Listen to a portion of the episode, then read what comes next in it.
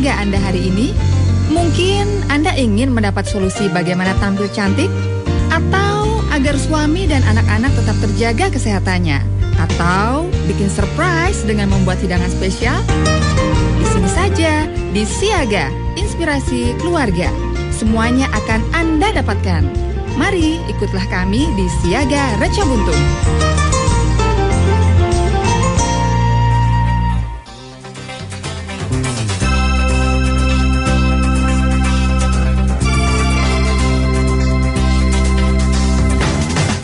Assalamualaikum warahmatullahi wabarakatuh. Reco Buntung 99,4 FM Citra Radio Keluarga. Radio nomor 1 asli Jogja.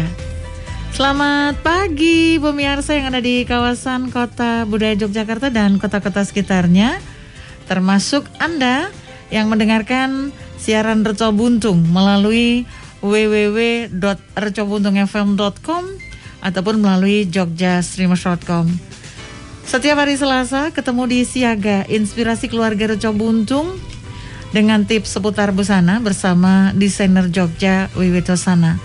Hari ini Selasa yang istimewa. Selamat pagi Mas Wiwitosana. Selamat pagi Mbak Ais. Apa kabar? Kabar baik. Sehat? Sehat. Alhamdulillah puji Tuhan sehat ya. Yeah.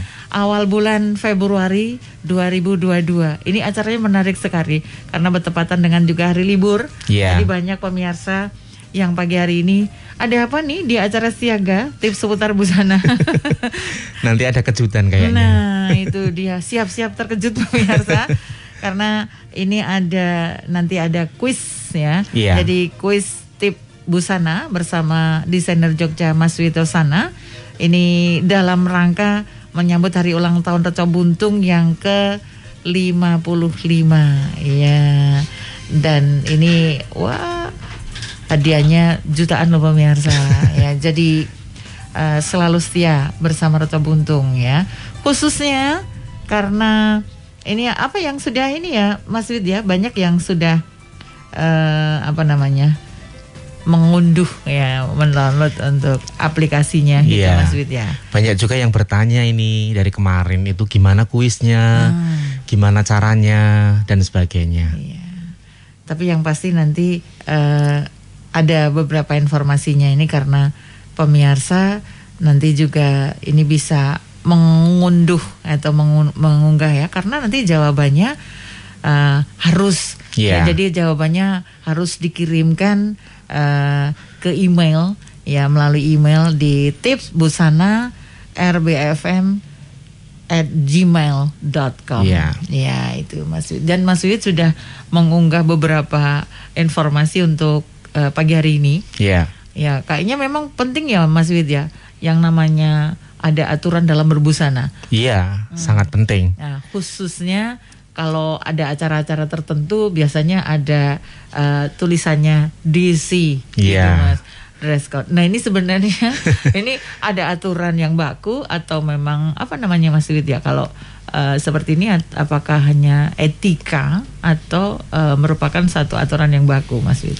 Eh, sebenarnya dress code atau DC ini adalah aturan atau eh, panduan ya yang sudah disepakati atau ditentukan oleh seseorang yang berkaitan dengan busana apa yang harus dikenakan ketika menghadiri suatu acara.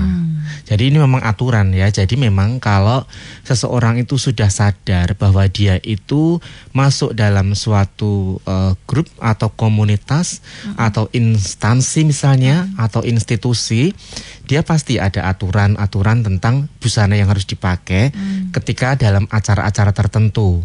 Ya, jadi memang eh, semua yang terlibat di situ, yang eh, hadir biasanya harus menggunakan dress code. Nah, dress code ini memang akhir-akhir ini marak sekali ya, Mbak ya. Tetapi sebenarnya sudah sejak zaman dulu ya ada aturan berbusana yang disepakati bersama atau ditentukan oleh seorang pimpinan mungkin ya karena itu dalam suatu perusahaan atau eh, kantor gitu ya. Jadi memang harus ditaati. Jadi ini jangan sampai kalau ada orang tidak boleh masuk ke dalam acara karena sudah ditentukan Iya. dress code-nya, kemudian datang tidak sesuai dengan eh, tema atau dress code-nya, ini bisa jadi kejadian seperti itu bisa terjadi Mas. Iya, bisa diusir dari uh, ruang acara itu. Oke. Jadi memang ini ya pemirsa ya, yang namanya dress code tidak boleh disepelekan kalau memang di dalam undangan tertulis seperti itu Mas. Iya. Itu harus di apa ya? Harus ditaati. Hmm. Karena nanti kalau kita datang ke acara sementara kita tidak sesuai dengan dress code-nya, hmm. kita menjadi salah kostum hmm. atau saltum. Dan biasanya orang yang saltum itu salting menjadi salting dan malu. itu masih untung ya, artinya tidak diusir. Nah, kalau sampai diusir oleh panitia kan malu seumur hidup ini. Betul. Ini kalau sebenarnya kalau dress code itu harus uh, hanya sama warnanya atau harus memang uh, cuttingnya atau potongannya harus sama? Bagaimana mas? Uh, sebenarnya uh, kalau dalam uh, satu komunitas tertentu misalnya, hmm. biasanya itu hanya ditentukan warna atau jenis bahannya. Hmm. Misalnya untuk uh, komunitas uh, tertentu ya, ini misalnya uh, disepakati misalnya warnanya biru. Hmm biasanya hanya warna biru. Hmm. Tapi ada juga yang lebih detail, misalnya uh, atasan dan bawahan, ya hmm. tupis gitu. Atasan dan bawahan, bawahannya boleh celana, boleh rok. Hmm. Itu nanti bahannya apa? Misalnya batik Jogja, hmm. ya yang atas itu batik Jogja, yang bawah celana atau rok warna hitam misalnya. Hmm. Nah, itu sudah kesepakatan bersama. Jadi nanti batiknya itu yang penting batik Jogja mau motifnya apa, hmm. uh, warnanya seperti apa, itu kan khasnya Jogja sudah kelihatan. Hmm.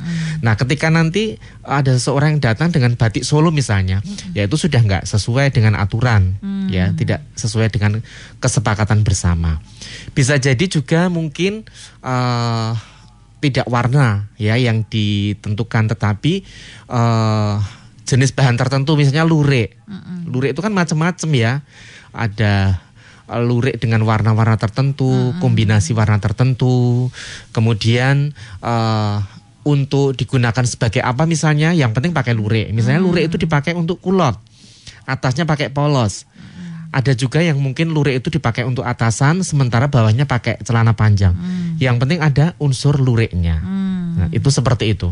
Jadi tidak harus misalnya terkecuali kalau ada ketentuan model busana model busananya apa gitu ya. Biasanya kalau dress code jarang yang seperti itu hmm. karena kalau dress code itu kan beda sama seragam, Betul. sama uniform. Hmm. Kalau uniform dalam suatu kantor misalnya ditentukan modelnya ya hmm. semua harus ikut. Hmm. Ya kalau kalau DC atau dress code ini ditentukan, saya pikir nanti banyak yang nggak datang. Yeah. Karena kan uh, semua orang nggak uh, pasti nggak bisa mengikuti aturan uh, modelnya seperti itu hmm. karena posturnya, hmm. karena mungkin uh, aturannya itu hanya dengan uh, dibuat seperti misalnya rok pendek. Nah, hmm. mereka yang berjilbab nggak bisa, Betul. atau aturannya mungkin rok panjang. Mereka yang tidak pakai jilbab juga nggak bisa ikut. Jadi harus dibuat dibuat fleksibel mungkin, hmm. disesuaikan dengan kondisi modelnya dibebaskan. Hmm. Yang jelas harus ada uh, ketentuan warna ataupun jenis bahannya. Hmm.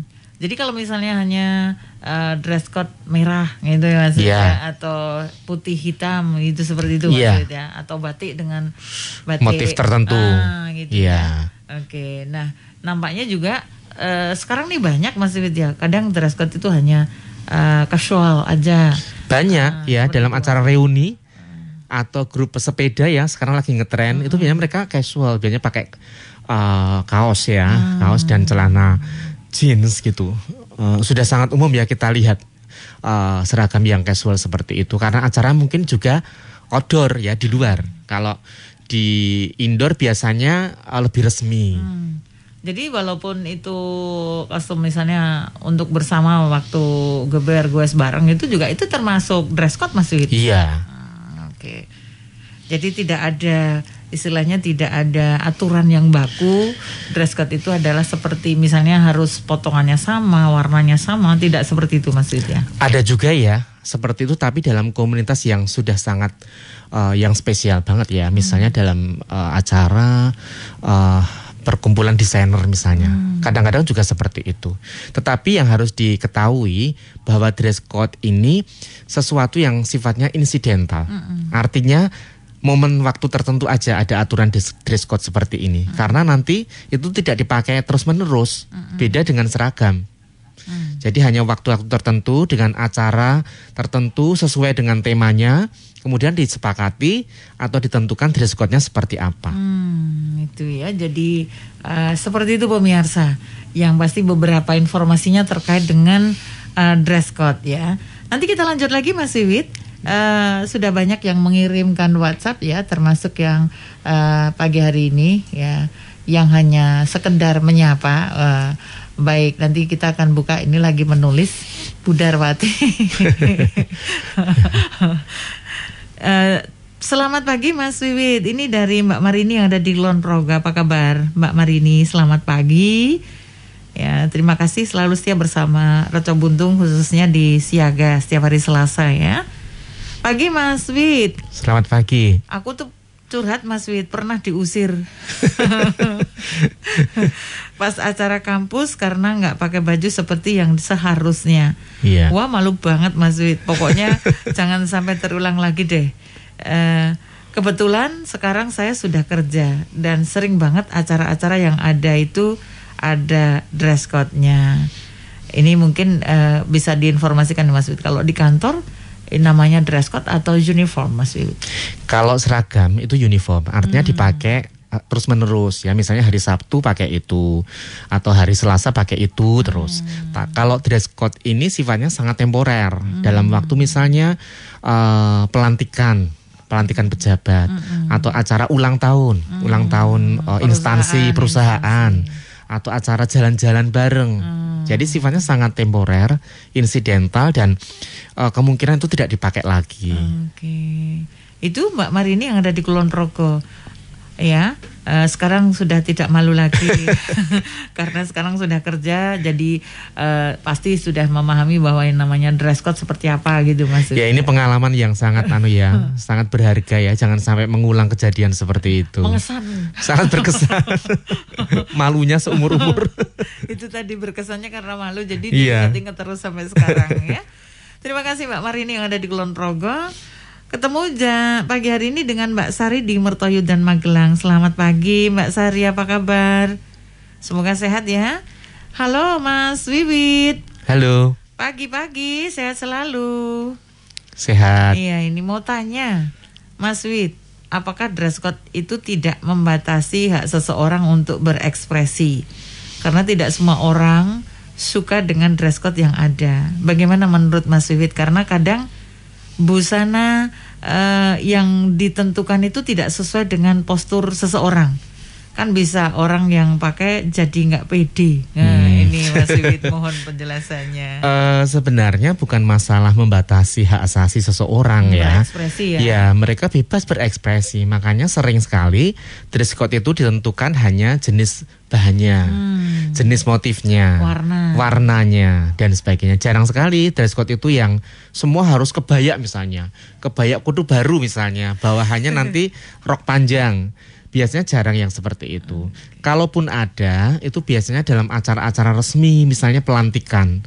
Kalau pelantikan kan kita memang harus pakai busana tradisional, hmm. busana nasional yaitu kebaya dan hmm. jarik wiru. Hmm. Nah itu memang mau tidak mau, suka tidak suka ya harus pakai. Hmm. Ya, tetapi memang kalau dress code ini uh, biasanya mereka dibebaskan untuk menentukan cuttingnya, hmm. mau tupis, mau tripis mau one piece juga hmm. boleh yang penting bahannya yang ditentukan itu dipakai atau warnanya seperti itu hmm. jadi kalau dress code itu bikin pusing bikin apa uh, kita malah nggak pede sendiri pakai ya uh, kita nggak usah pakai dress code nanti malah nggak pede sendiri ya malah malah repot sendiri dan kalau mau menentukan dress code ini kalau misalnya ada panitia kecil memang harus be, apa namanya dilakukan musyawarah dulu. Iya, disepakati bersama. Karena kan dalam satu uh, apa grup tertentu itu kan posturnya kan beda-beda. Hmm. Mereka yang punya uh, postur yang ideal nggak masalah. Hmm. Tetapi mereka yang uh, misalnya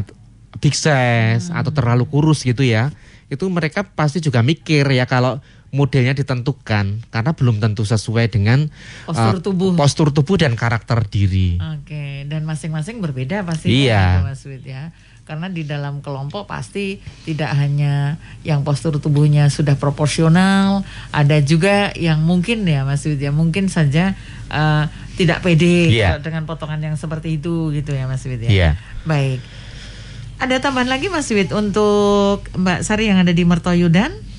Eh, jadi gini ya Mbak Sari, jadi kalau kita sudah eh, ikut dalam satu komunitas tertentu atau dalam instansi tertentu karena kita menjadi pekerja, kita harus menaati segala aturan yang ada di situ, termasuk dengan pemilihan dress code ya. Jadi kalau pemilihan dress code ini memang ditentukan biasanya secara bersama ataupun oleh seseorang yang memiliki uh, wewenang di situ. Jadi kalau seandainya uh, Anda tidak suka dengan warnanya, ya mau tidak mau harus tetap dipakai karena memang uh, yang namanya dress code itu wajib sifatnya. Ini sangat mengikat. Bagaimana nanti kalau yang lain teman-temannya semua pakai warna merah misalnya, sedangkan Anda pakai warna biru misalnya, Anda apa nggak malu kalau seperti itu? Jadi tidak ada istilahnya me- mengurangi kebebasan untuk berekspresi. Nanti modelnya terserah Anda ya, mau dibikin sesuai dengan karakter Anda boleh. Tetapi yang penting bahan dan warnanya itu sesuai dengan aturan yang sudah ditentukan. Jadi agar terlihat kebersamaannya mungkin Iya, gitu ya, Mas iya, ya. iya. Tidak ada maksud untuk mengikat agar Iya. apa namanya terkekang dari ekspresi kan masing-masing orang punya ekspresi dalam berbusana seperti itu Iya. Mas Wid. Dan itu tidak setiap hari hanya saat ada acara Acara-acara tertentu. gitu ya. Baik. Iya. Itu bisa ditentukan dengan eh, menggunakan dress code. Nah, ini Mas Wid. Eh, Selamat pagi, Assalamualaikum Mas Wiwit yang baik hati Waalaikumsalam. Idaman semua wanita Mas Wiwit eh, Saya dapat undangan reuni SMA negeri ya, Ya ini dapat bahan batik satu potong Satu potong itu dua meter. 2,25 Oh iya. Eh, Model bebas Batik eh, Apa nih Batik Kulon Progo tapi Oh batik KP KP itu apa? Kulon Progo. Oh, oh, tapi kualitasnya bagus Hmm. Kalau teman-teman dibuat plus ada juga yang dibuat tunik. Kalau saya sukanya dibuat gamis.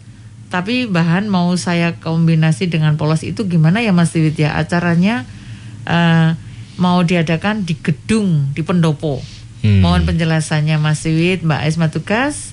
Semoga selalu diberi kesehatan, sukses. Amin. Ini beliau ini modelnya masih bingung karena kalau yang lain kan hanya dua dua dua seperempat ya mas. Iya. ya. Uh, untuk plus tunik gitu ya. Tapi kalau Bu Darwati pengen bikin gamis gitu mungkin dikombinasi. Ya harus ada kombinasinya. Carilah oh, ke- bahan polos atau bisa juga lurik bu. Ya jadi nggak harus polosan gitu. Kita ambil warna kombinasinya itu yang masuk dengan batiknya.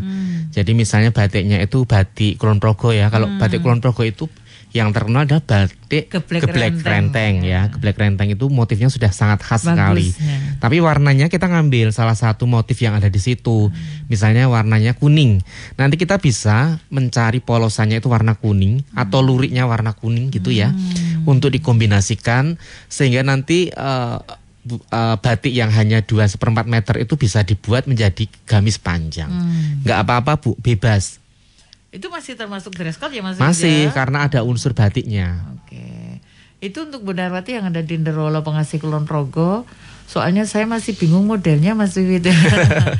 dibikin gamis atau dibikin atas bawah juga bisa tunik ya kalau Bu Darwati ini cocoknya tunik ya tuniknya selutut kemudian nanti pakai rok panjang Jadi kalau tunik selutut tuh kayak baju kurung zaman dulu. iya gitu ya. betul mirip baju kurung nanti eh, bagian sisi kanan sisi kiri di ujung bawah itu dibelah Ah, ya jadi nanti oke. untuk melakukan mobilitas itu gampang tidak ribet Iya. ya.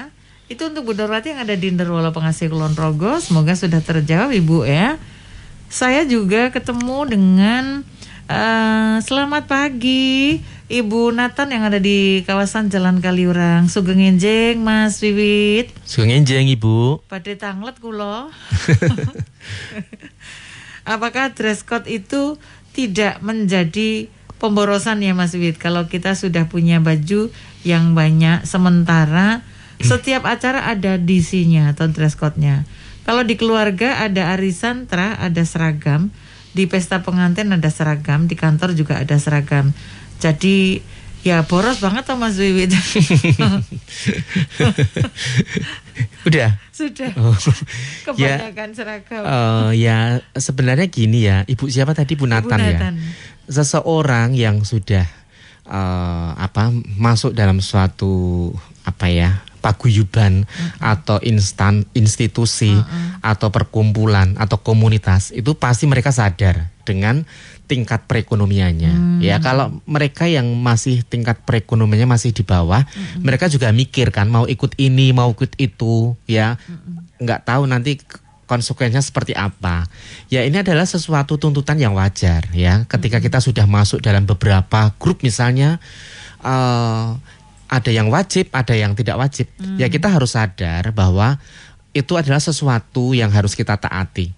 Ya kalau memang kita nggak eh, mau bikin dress code hanya karena masalah ini dianggap sebagai pemborosan ya kita nggak usah ikut dalam grup-grup seperti itu ya karena memang setiap grup itu pasti ada aturannya, pasti ada tuntutan-tuntutan yang ada di situ.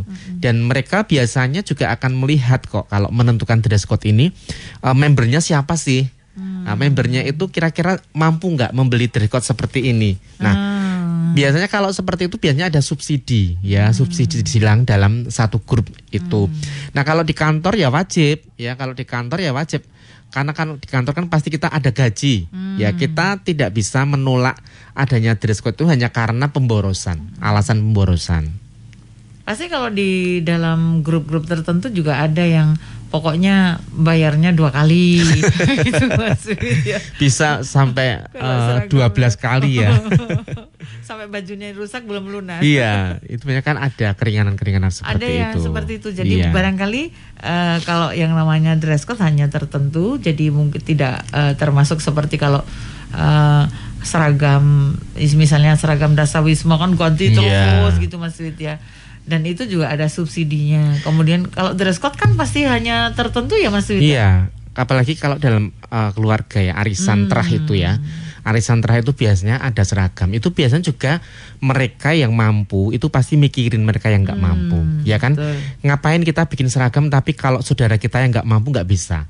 Nah kan lucu, jadi aneh.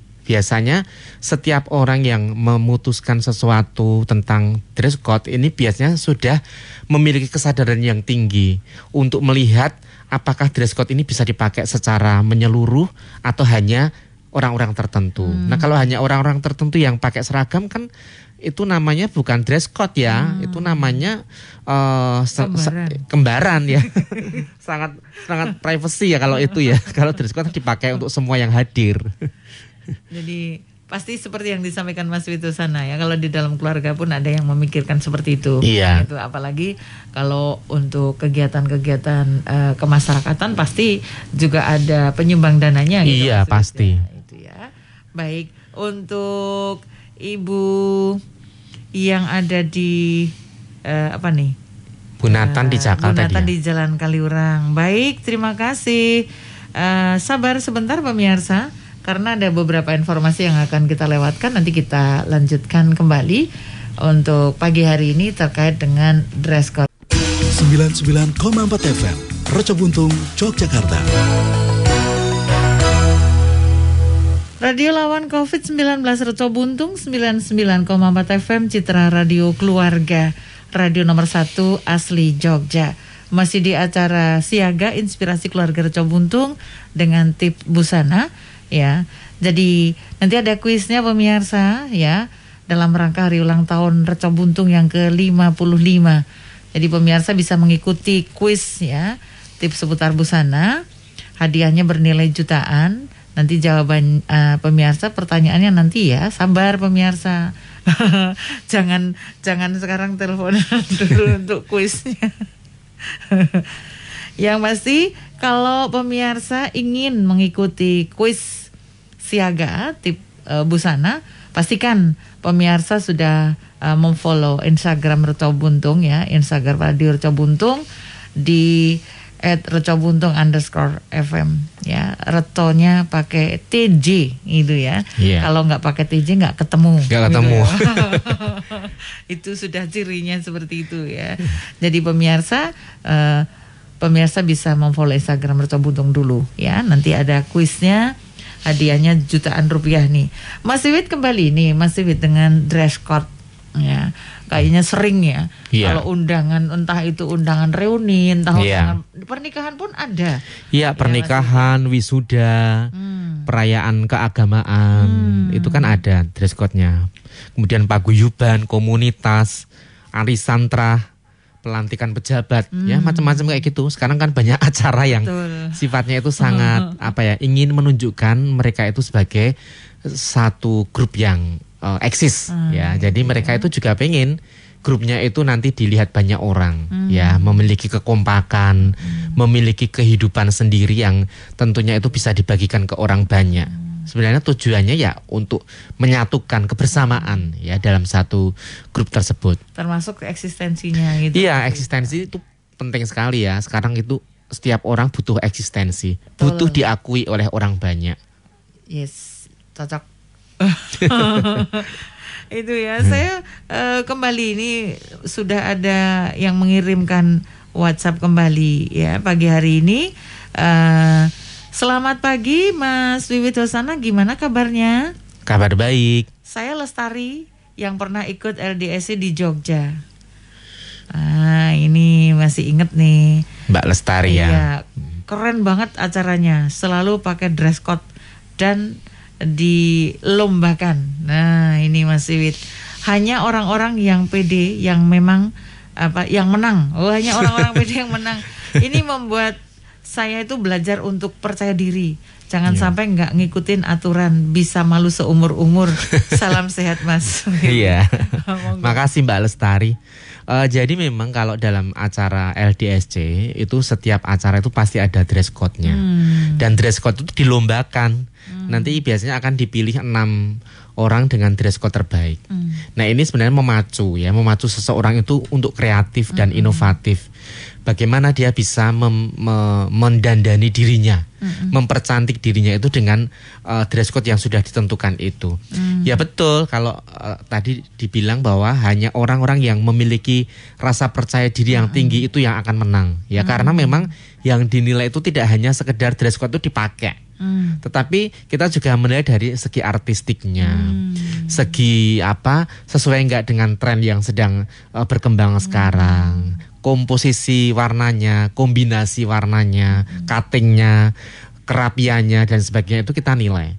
Dan biasanya memang hanya orang-orang yang suka dengan eh, style-style yang unik itu yang akan mendapatkan eh, pemenang, jadi pemenang. Dan itu ada tropinya. Nah ini sebenarnya saya ajarkan di LDSC itu supaya semua peserta LDSC itu melek fashion. Ya jadi kalau pakai baju itu jangan monoton atas bawah blues dan rock terus seperti itu. Itu monoton ya. Kalau kita ini menjadi seorang pengusaha fashion ya ataupun penjahit, kita kan harus bisa menjadi contoh untuk customer kita, untuk masyarakat di sekitar kita. Bagaimana kita bisa mendandani diri kita kalau pakaian kita aja compang camping misalnya atau asal eh, ngawur, nah asal nempel saja, kita nggak bisa menjadi contoh yang baik untuk pelanggan kita dan pelanggan kita itu biasanya juga akan eh, terpesona ya dengan penampilan kita. Mereka bisa percaya dengan kita kalau kita bisa menampilkan sesuatu yang eh, artinya yang berkualitas di depan mereka. Pastinya customer juga akan berpikir, aku nanti kalau bikinkan baju Iya. seperti apa hasilnya? Iya, kalau kita sendiri tidak bisa memberikan contoh yang baik ya orang pasti akan lari. Hmm. Dan yang pasti bisa memberikan semangat. Iya. Ya, Sweet. yang pertama kalau di acara-acara ada dress code yang dilombakan, pasti juga akan memberikan tantangan bagi mereka untuk Iya berkreasi. jelas, ya. iya karena ini menjadi inspirasi untuk teman-teman yang lain. Dulu itu kalau di LDSC kan rata-rata ya hanya tupis gitu ya, atas dan bawah. Sekarang mereka bisa me, apa men- menyelaraskan dengan penampilan yang seharusnya, Iya. yang sesuai dengan tren, yang sesuai dengan posturnya dan eh, mereka sekarang pinter-pinter semua. Iya. Kadang saya kaget loh Mbak kalau dalam acara LDSC itu eh, member-member saya itu menggunakan busana yang unik-unik seperti itu. Dan eh, artinya apa? Artinya tujuan yang saya capai ini berhasil ya untuk membuat mereka itu melek fashion. Jadi tidak menggunakan busana yang monoton dan asal nempel saja. Yes, itu ya. Jadi dulu tidak percaya diri ya. Nggak pede sekarang jadi ada rasa percaya diri Iya. untuk tampil beda. Itu karena dia berpikirnya kalau dulu tuh Mbak Lestari mikirnya hanya orang-orang yang pede saja yang apa mengikuti lomba Hmm. Iya. dress code gitu ya. Baik untuk Mbak Lestari tetap semangat ya. Kalau sekarang belum dapat eh, piagam dan piala dress code di acara-acara Mas Wito sana nanti tunggu. Ya, besok Oh, beberapa saatnya. bulan lagi ada ini di Ah, Jogja. itu. Iya. Oke, kemudian juga ada Pak Daru yang ada di Wirobrajan. Selamat pagi. Selamat pagi. Mas Wiwit, memang sekarang banyak sekali ya komunitas-komunitas yang memakai dress code. Kalau kita sudah siap gabung ya harus taat aturan. Kalau nggak mau ya mending keluar aja. Iya, betul, betul, betul. Tujuannya kan untuk menyatukan. Kalau semua dianggap pemborosan yang di ru- ya di rumah aja, nggak usah ngapa-ngapain, tidur aja. Ini ada hahaha. Ya, ini eh, apa jawaban untuk yang tadi yang yang pertanyaan yang sebelumnya ya. Jadi memang kalau kita sudah eh, masuk dalam suatu grup atau komunitas tertentu ya kita harus siap ya, harus tahu konsekuensinya seperti apa. Eh, dress code ini sebenarnya sesuatu yang dipakai untuk menyatukan ya, untuk menunjukkan eksistensi grup itu. Dan ini sangat penting menjaga kebersamaan. Nah, kalau kita nggak pakai eh, dress code, sementara yang lain pakai semua, itu namanya kita nggak kompak, nggak solidar dengan- teman-teman yang lain, hanya gara-gara alasan pemborosan. Nah, kalau pemborosan ya sudah nggak usah ikut, ya tidur aja di rumah seperti Itu, Pak Daru Pak ini Daru. bilang. ya. Bahwa jawabannya, wah kok sadis ya. sadis ya. ya memang betul kalau kita ingin hidup ya, ingin memiliki apa ya eh, pengalaman bergaul dengan banyak orang ya kita harus ikuti aturan itu. Kalau enggak itu nanti kita malah malah repot sendiri. Betul. Ya itu tadi saltum setelah saltum salting. Kata Mas Wito sana kalau tidak diusir masih beruntung gitu ya. Masih beruntung itu kalau nggak diusir. Tapi ya tidak diusir pun kalau saya pribadi ya ya salah tingkah ya, salah tingkah gimana ini saya mau eh, apa? Mau gabung di situ kalau aku sendiri beda warnanya, beda bahannya gitu kan malah bingung sendiri kan. Iya. Apalagi nanti ada sesi foto bersama. Soto bersama iya. Itu ya pemirsa ya. Baik ta, Pak Danu yang ada di Wiro Belajar terima kasih. Saya buka kembali ini WhatsApp dari eh, Pak Tono yang ada di Gamping. Selamat pagi Mas Wito sana. Selamat pagi. Oke. Eh, Pak Tono mau bertanya, mengapa saya kalau memakai baju panjang baik yang biasa maupun corak batik kok nggak merasa pede Eh, dan nggak merasa atau nggak merasa nyaman Hmm. itu Mas Wid. Sebaliknya kalau memakai baju pendek yang biasa coraknya bahkan corak batik lengan pendek merasa pede dan nyaman. Eh, saya ingin tanya Mas Wid, apakah pengaruh tinggi dan pendek apa namanya pendek tinggi seseorang atau tinggi dan pendek seseorang itu mempengaruhi atau mungkin saya memang senang memakai baju pendek apalagi corak batik saya merasa nyaman.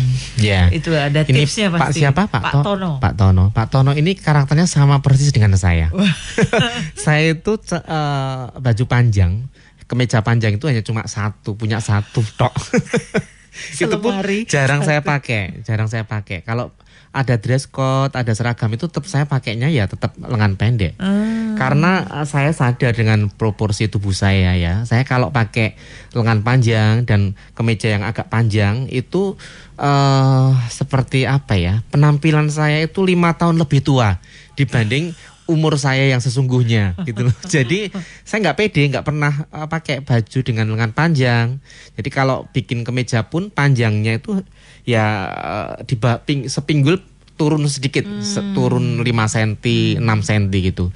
Jarang sekali menggunakan baju-baju atau kemeja yang panjang. Nah kalau lengan panjang itu terpaksa sekali karena kalau itu aturan ya, aturan itu terpaksa harus dipakai. Tapi saya tidak eh, pernah ada baju itu kalau bikin selalu lengan panjang itu Hmm. di lemari saya itu ada banyak sekali kemeja itu lengan panjangnya hanya satu. itu Untuk acara-acara tertentu. itu karena dress code. Oh, Oke. Itu karena dress code dan jarang saya pakai. Jadi seperti Pak Tono, itu solusinya seperti apa Mas Wit? Ya kalau orang yang Pak Ton itu sudah sadar ya dengan posturnya. Kalau dia nggak pede pasti kan ada sesuatu ya. Misalnya bercermin. Aku kalau pakai lengan panjang kok jadinya kayak gini. Tapi kalau pakai lengan pan- pendek kok jadinya seperti ini. Ikuti aja kata hati. Ya karena yang bisa mengetahui dirinya sendiri ya dia sendiri orangnya. Seperti saya ini mungkin orang lain mengatakan kalau saya pakai lengan panjang nggak apa-apa. Tapi saya nggak pede saya Nggak betul-betul nyaman nggak ya, nyaman, nggak nyaman. Jadi ya memang eh saya harus menyesuaikan dengan kata hati saya. Nggak mau deh dipaksa harus pakai lengan panjang misalnya. Dan yang pasti ini Mas Wid ya, orang kan memang tujuannya adalah berbusana ini adalah eh, nyaman, kenyamanan Iya, juga. iya. Ya. Jadi kalau tidak nyaman ya eh, seperti disampaikan Mas Witosana barangkali Pak Tono ini eh, seperti eh, Mas Witosana Iya. ya. Jadi tidak pede, nggak nyaman kalau pakai lengan panjang. Iya. Ini eh, apa mungkin saya memang senang memakai baju pendek, apalagi corak batik saya merasa nyaman atau bagaimana Mas Wiwit? Kalau masalah eh, batik itu ya saya juga suka ya batik, luri, tenun itu saya suka sekali karena itu memang keseharian saya ya. Saya pakai batik itu hampir setiap hari saya menggunakan batik itu. Dan nggak apa-apa Pak Tono. Memang eh, Pak Tono arahnya ini lebih ke klasik ya. Ini klasik. Klasik ya. Karakter personalnya itu klasik. Jadi eh, ya sudah eh, terima saja kenyataan seperti itu. Karena karakter orang itu kan beda-beda ya. Ada yang dramatik ada yang romantik ada yang art of beat macam-macam ini klasik ya dan klasiknya itu memang sesuatu yang eh, sebenarnya eh, orang mengatakan kayaknya kok kuno gitu ya tapi nggak apa-apa saya itu juga klasik Elegan. ya Oh, iya. arahnya klasik elegan Ah, itu jadi ya. kalau saya pun ya eh, klasiknya tapi tetap menyesuaikan dengan eh, apa aturan-aturan yang ada Hmm. misalnya dalam suatu jamuan tertentu saya harus pakai baju yang sedikit keluar dari klasik itu Hmm. Ya nggak apa-apa artinya lebih fleksibel Yang gitu ya. Iya. Baik, itu untuk Pak Tono yang ada di kawasan Gamping semoga sudah terjawab. Kalau misalnya masih ingin ditambahkan monggo. Yang pasti kalau ini Bu Darwati menambahkan, Mas Wid maaf saya tanduk. definisi apa namanya definisi dress code itu sebenarnya seperti apa toh Mas Wid ini Bu Darwati? Tadi udah tak, tak sampaikan ya di awal. Jadi dress code itu adalah aturan, aturan yang harus disepakati, harus diikuti karena itu adalah eh, ditentukan sesuai kesepakatan bersama dalam menghadiri acara tertentu. Jadi sifatnya itu sangat temporal, ya. Dan eh, ini tidak setiap hari dipakai, ya. Misalnya dalam acara wisuda itu kan ada aturan tamu yang hadir harus menggunakan eh, busana seperti apa. Dalam acara pelantikan, misalnya suaminya dilantik, istrinya tentunya harus menyesuaikan. Nggak mungkin kan istrinya harusnya pakai kebaya nasional, pakai eh, gamis Gamis. panjang misalnya itu nanti kalau eh, itu terjadi bisa jadi Nggak ibu jadi dilantik. nggak jadi dilantik itu nanti. Karena itu sudah ada aturan berbusana seperti itu. Apalagi kalau protokoler kepresidenan ya, itu memang harus Ketat. ketat sekali. Itu memang betul-betul kalau kita melanggar aturan itu kita betul-betul diusir Betul. ya. Jangankan protokoler kesehatan ya, dalam acara kantor pun ya, dalam acara wisuda pun Protokoler. bisa jadi kita diusir dari acara itu. Hanya menghantarkan pun tidak boleh masuk. Nggak boleh masuk. Ya, karena tidak sesuai dengan dress code. Itu ya. Jadi memang eh, semacam aturan baku Iya. yang memang sudah ditentukan eh, segala sesuatunya Iya. ada di dalam aturan itu Mas. Kalau kita taat aturan, ya kita harus ngikutin aturan itu. Oke. Karena nanti daripada kita hadir salah kostum, dilihat banyak orang, yang malu siapa coba? Iya. Iya. eh, yang ini sendiri yang Diri sendiri kan yang sendiri. malu karena Iya. beda dengan mereka yang Pasti lain. kejadian itu juga diingat-ingat terus loh Mas. Iya, seumur-umur gitu. itu. Hmm, ya, itu ya untuk Budarwati yang ada di Nderwolo Pengasih Kulon Progo termasuk pemirsa semoga sudah eh, bisa eh, mengerti gambaran bahwa yang namanya dress code itu seperti apa gitu Mas. Iya. ya. Ini ada pertanyaan dari dari Mbak Ning di SMK Godean. Ya. Pak Wiwit mau tanya, kalau seragam sekolah itu termasuk dress code ya Pak? Soalnya kan wajib pakai, berarti aku sudah sering pakai dress code. Ini eh, kayaknya masih sekolah ini anaknya. SMK. SMK ya, Godean. SMK Godean. Jadi begini ya Mbak Ning, kalau eh, seragam atau uniform itu bukan dress code ya karena itu dipakai continue ya terus menerus ya. Jadi kelas 1, kelas 2, kelas 3 pakai seragam yang sama terus. Hmm. Kalau dress code ini tem- temporer. Jadi memang hanya ya. saat-saat tertentu acara-acara tertentu dan itu kadang nanti tidak bisa diulang lagi Hmm. ya jadi kalau dress code-nya sekarang misalnya eh, apa Imlek ya misalnya adalah acara-acara budaya Tionghoa ya misalnya dengan merah misalnya Merah. besok kalau ada acara selain eh, Imlek lagi mungkin dress code-nya ganti lagi Hmm. Nah kalau acara Imlek misalnya kita pakai warna yang eh, putih misalnya, itu kan jadi lucu juga Hmm. kan. Datang ke acara Imlek, eh, warna bajunya nggak sesuai dengan dress code yang disepakati, Ah, Salah kostum. ya salah kostum, malu sendiri. Oh iya, jadi Mas ini ya Mas Yud ya, seperti kalau sekarang Imlek nih ada yang ketemuan acara-acara dengan yang bernuansa merah seperti Iya. itu ya. Tapi tidak ditentukan potongannya gitu ya. Biasanya ke- eh, mereka menggunakan Mandarin style ya, Oh. ya. Mandarin style itu ya eh, seperti baju-baju orang gitu Tionghoa ya. kalau pakai itu keras Shanghai, kemudian di bagian depan itu ada eh, miringnya garis cutting miringnya di situ dengan kancing cinanya, kemudian pakai rit belakang, eh, kemudian bawahnya pakai rok ya atau celana panjang. Jadi memang biasanya sudah ditentukan sesuai dengan temanya. Kalau misalnya acara tertentu ya eh, eh, acara-acara keagamaan misalnya kayak di Bali misalnya Betul. mereka menggunakan kebaya, kebaya dengan kemben, kemudian pakai eh, kain ya di bawahnya itu pakai tenun biasanya. Ke- tenun. mm, kemudian pakai itu Iya, ya? pakai obi. Obi ya, itu wajib ya betul. pakai obi juga. Oh, oke. Nah, kalau di situ mereka pakai misalnya gamis, ya nggak cocok. Hmm. Ya, nggak cocok acara upacara keagamaan di Bali itu memang identik dengan hal-hal seperti itu. Untuk acara kayak pemujaan gitu Mas. Iya, acara-acara ibadah Hmm. dan sebagainya itu mereka biasanya dress code-nya seperti itu.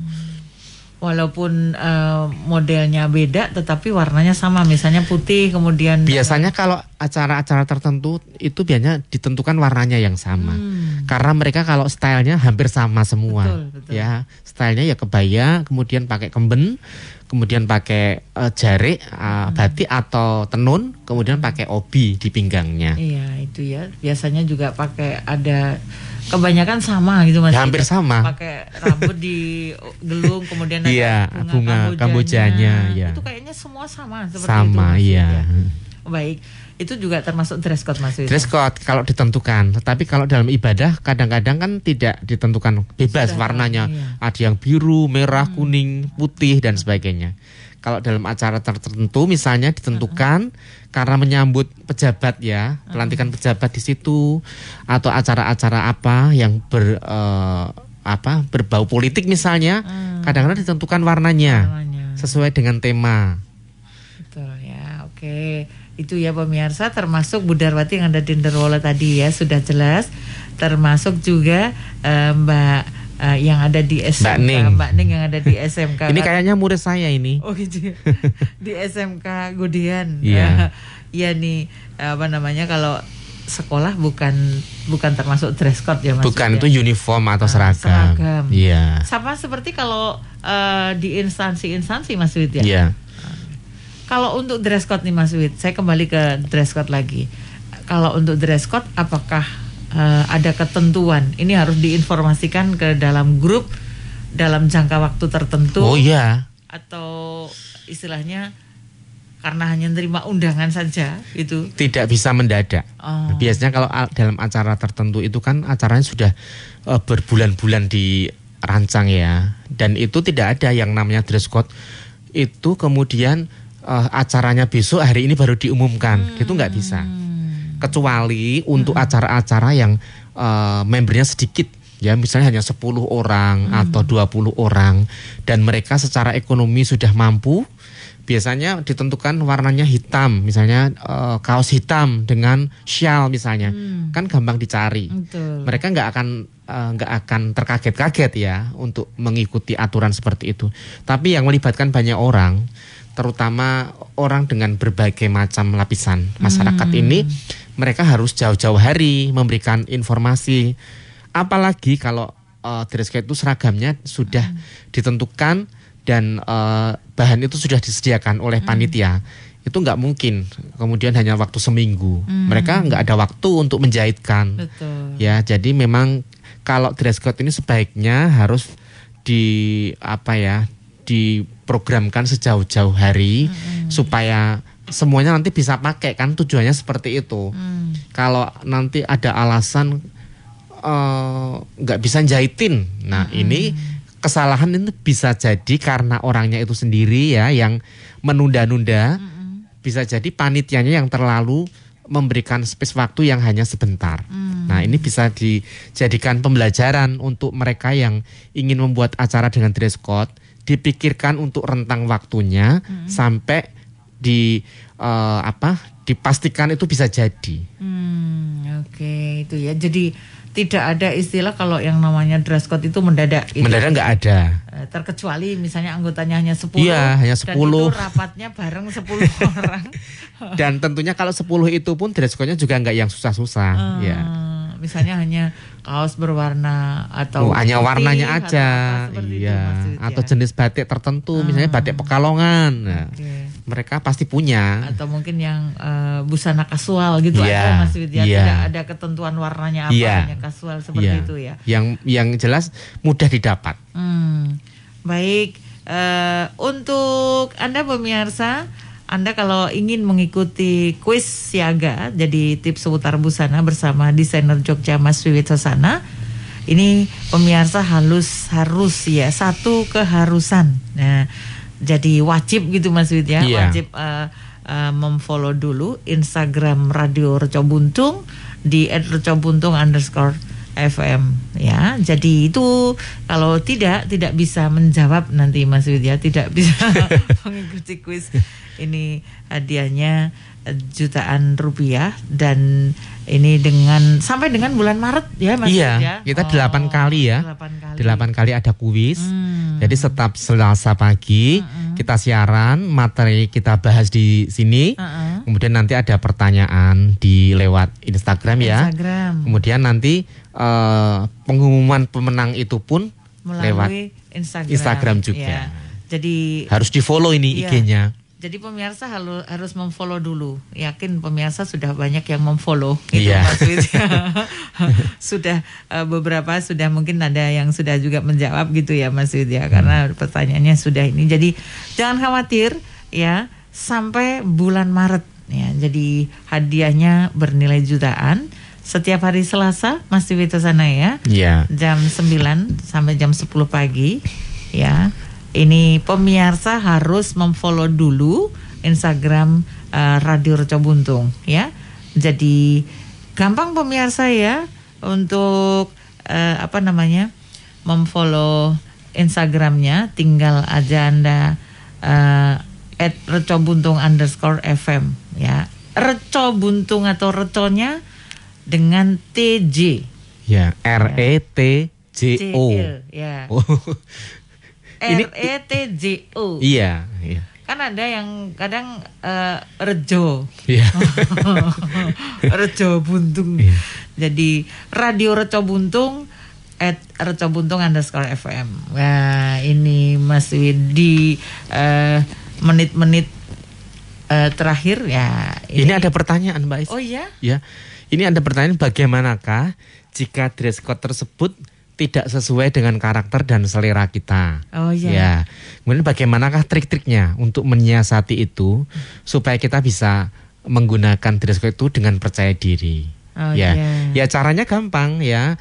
Biasanya kalau eh, dress code itu ditentukan bahannya dan warnanya, ya kita tinggal eh, mau tidak mau ya. Misalnya kita nggak suka karena warnanya nggak sesuai dengan karakter kita, ya kita nanti bisa membuat cutting ya yang sesuai dengan karakter kita. Hmm. Jadi memang eh, saya juga sering ya mendapatkan dress code itu warnanya saya nggak suka dan saya juga nggak akan bilang ya warnanya kok kayak gini sih nggak sel- selalu saya terima ya karena hampir setiap minggu itu saya ada beberapa dress code ya jadi eh, bajunya itu warna-warni macam-macam nggak karu-karuan itu dan itu tetap harus saya Harus pakai pakai ya gitu. karena itu kan adalah eh, suatu kesadaran ya kesadaran saya untuk menghargai sebuah acara menghargai panitia dan kebersamaan bagaimana caranya supaya warna yang kita nggak suka itu kita tetap bisa suka ya kita sesuaikan dengan karakter kita Ah.